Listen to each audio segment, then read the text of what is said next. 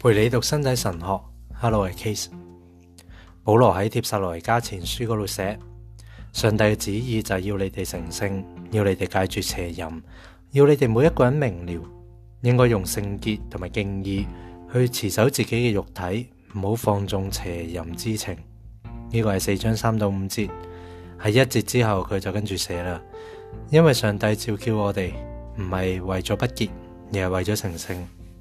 所以。凡系轻视呢个界命嘅，唔系轻视人啦，而系轻视嗰个将自己嘅圣灵赋予喺你哋身上面嘅上帝。我哋上次曾经讨论到使徒嘅呢一番说话，今日我哋就再次去讨论呢个经文啦，因为呢啲对诶说话咧，对我哋嘅思想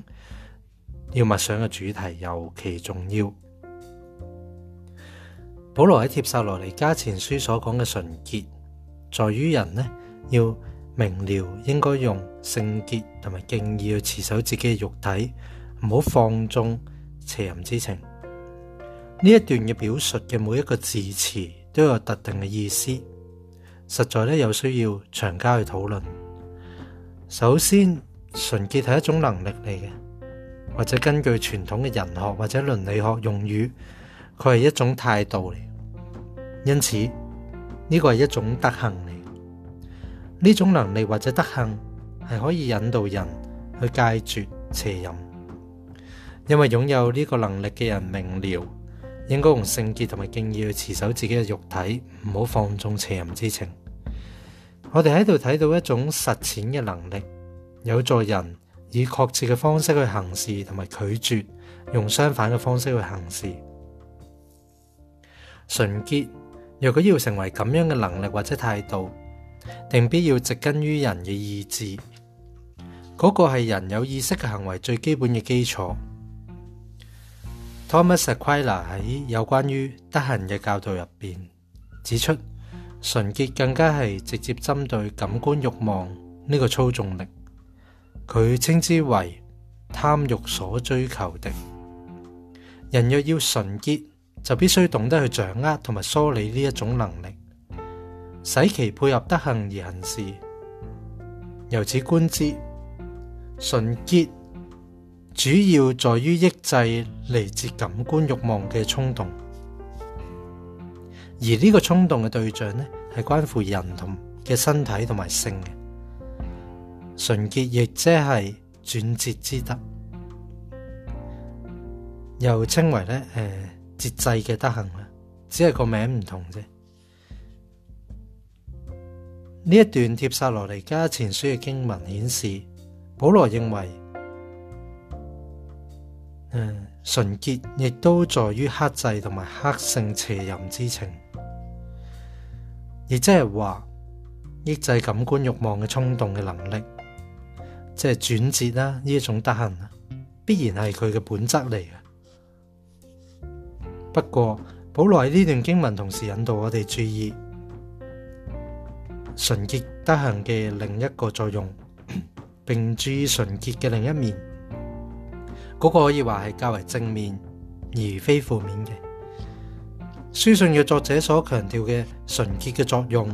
唔仅仅系，而且主要唔系添，唔仅仅系戒绝邪淫，同埋引人犯邪淫嘅一切。即系邪淫之情啦，更加同时要用圣洁同埋敬意去持守自己嘅身体，并间接咁样要咁样去持守他人嘅身体。戒绝同埋持守呢两个功能系紧密相连同埋相辅相成嘅。人如果唔去戒绝邪淫，又引人犯邪淫嘅一切，根本冇办法。用圣洁同埋敬意去持守自己嘅肉体，因此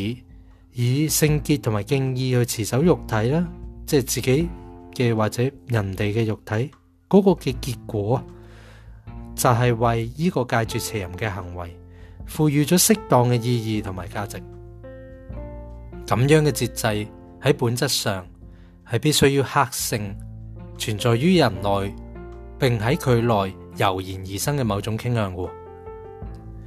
某种吸引力。节制亦都系一种价值嚟嘅，主要喺感官领域发挥作用，但系总会喺人嘅主体特性嘅其他方面，特别喺情感方面带嚟一啲反响。根据上述嘅分析，保罗有关于纯洁嘅德行嘅图像系多么嘅正确。完整同埋合适嘅呢个图像，直住将节制啦，即系转折啦嘅能力具说服力咁样，比作以圣洁同埋敬意去持守自己嘅肉体，而清楚浮现出嚟。佢之所以系完整嘅，即系呢个关于 关于纯嘅德行嗰个图像之所以系完整啦，或许系由于保罗认为。纯洁唔单止系人嘅主体性官能嘅一种能力，即系唔单止系天赋，亦都系随从圣灵生活嘅具体表现嚟嘅。喺咁样嘅生活入边，人嘅能力得以由内而外产生果效，并由保罗所称为圣灵嘅效果所丰富。不论系对自己或者其他任何人，不论系对男或者女。人对一切有关于身体同埋性所产生嘅敬意，系以圣洁持守身体最主要嘅动力。为咗明了保罗有关于纯洁嘅教导，我哋必须深入去思考敬意嘅意义。而敬意喺呢一度，明显应该理解为一种精神上嘅能力。正系呢一种内在嘅力量，令到纯洁得以成为完整嘅德行。亦即系成为使人能够喺某个整个领域行事嘅能力，喺呢个领域，人喺其内心深处系发觉众多邪淫之情嘅冲动，并不是因为各种理由而顺从呢啲嘅冲动嘅。为更清楚去理解 帖撒罗尼加前书作者嘅思想。我哋都要分析另一段呢出自哥林多前书嘅经文。呢一段嘅经文入边，保罗提出咗佢重要嘅诶教会学训导，指出教会系基督嘅诶奥秘嘅身体。佢喺度提出咗下列有关于人嘅身体嘅言论啦。十二章十八节系咁讲嘅，《哥林多前书》：上帝按住自己嘅意思。將肢體個個都安排喺身體上边。稍後佢又寫，即系廿二到廿五節。不但如此，而且嗰啲似乎係身體上面比較軟弱嘅肢體就更加重要啦。並且嗰啲我哋以為喺身體上面比較欠缺尊貴嘅肢體呢，我哋就要越快加上尊貴嘅裝飾。我哋睇嚟不端雅嘅肢體。就要越发显得端雅。至于端雅嘅肢体咧，就无需装饰啦。上帝咁样配置咗身体，对嗰啲缺陷嘅赐以加倍嘅尊贵，免得喺身体入边咧就发生分裂。反思各个肢体彼此互相关照。虽然咧啱啱呢个引述嘅经文咧系关于教会系基督嘅身体嘅神学咯。但系我哋亦都唔难发现呢一段经文附带嘅意义嘅。保罗藉住呢个重要嘅教会学去类比啊，让读者得以加深对身体神学嘅了解。而呢个类比其实都反复出现喺其他书信，我哋咧喺适当嘅时候咧会再次去讨论嘅。喺接下罗尼加前书。佢就述说咗用圣洁同埋敬要持守自己嘅肉体啦，而啱啱所引述嘅哥林多前书嘅经文呢，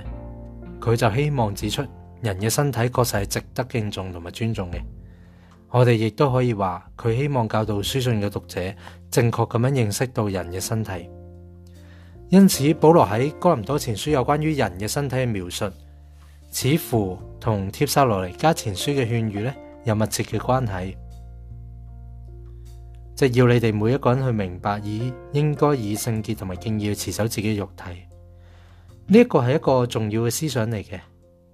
也许系保罗有关于纯洁嘅教导入边咧最主要嘅思想添。咁咧我哋下次咧会再读落去，即系帖撒罗尼加前书同埋哥林多前书系互相对照咁，会下次咧再讲落去。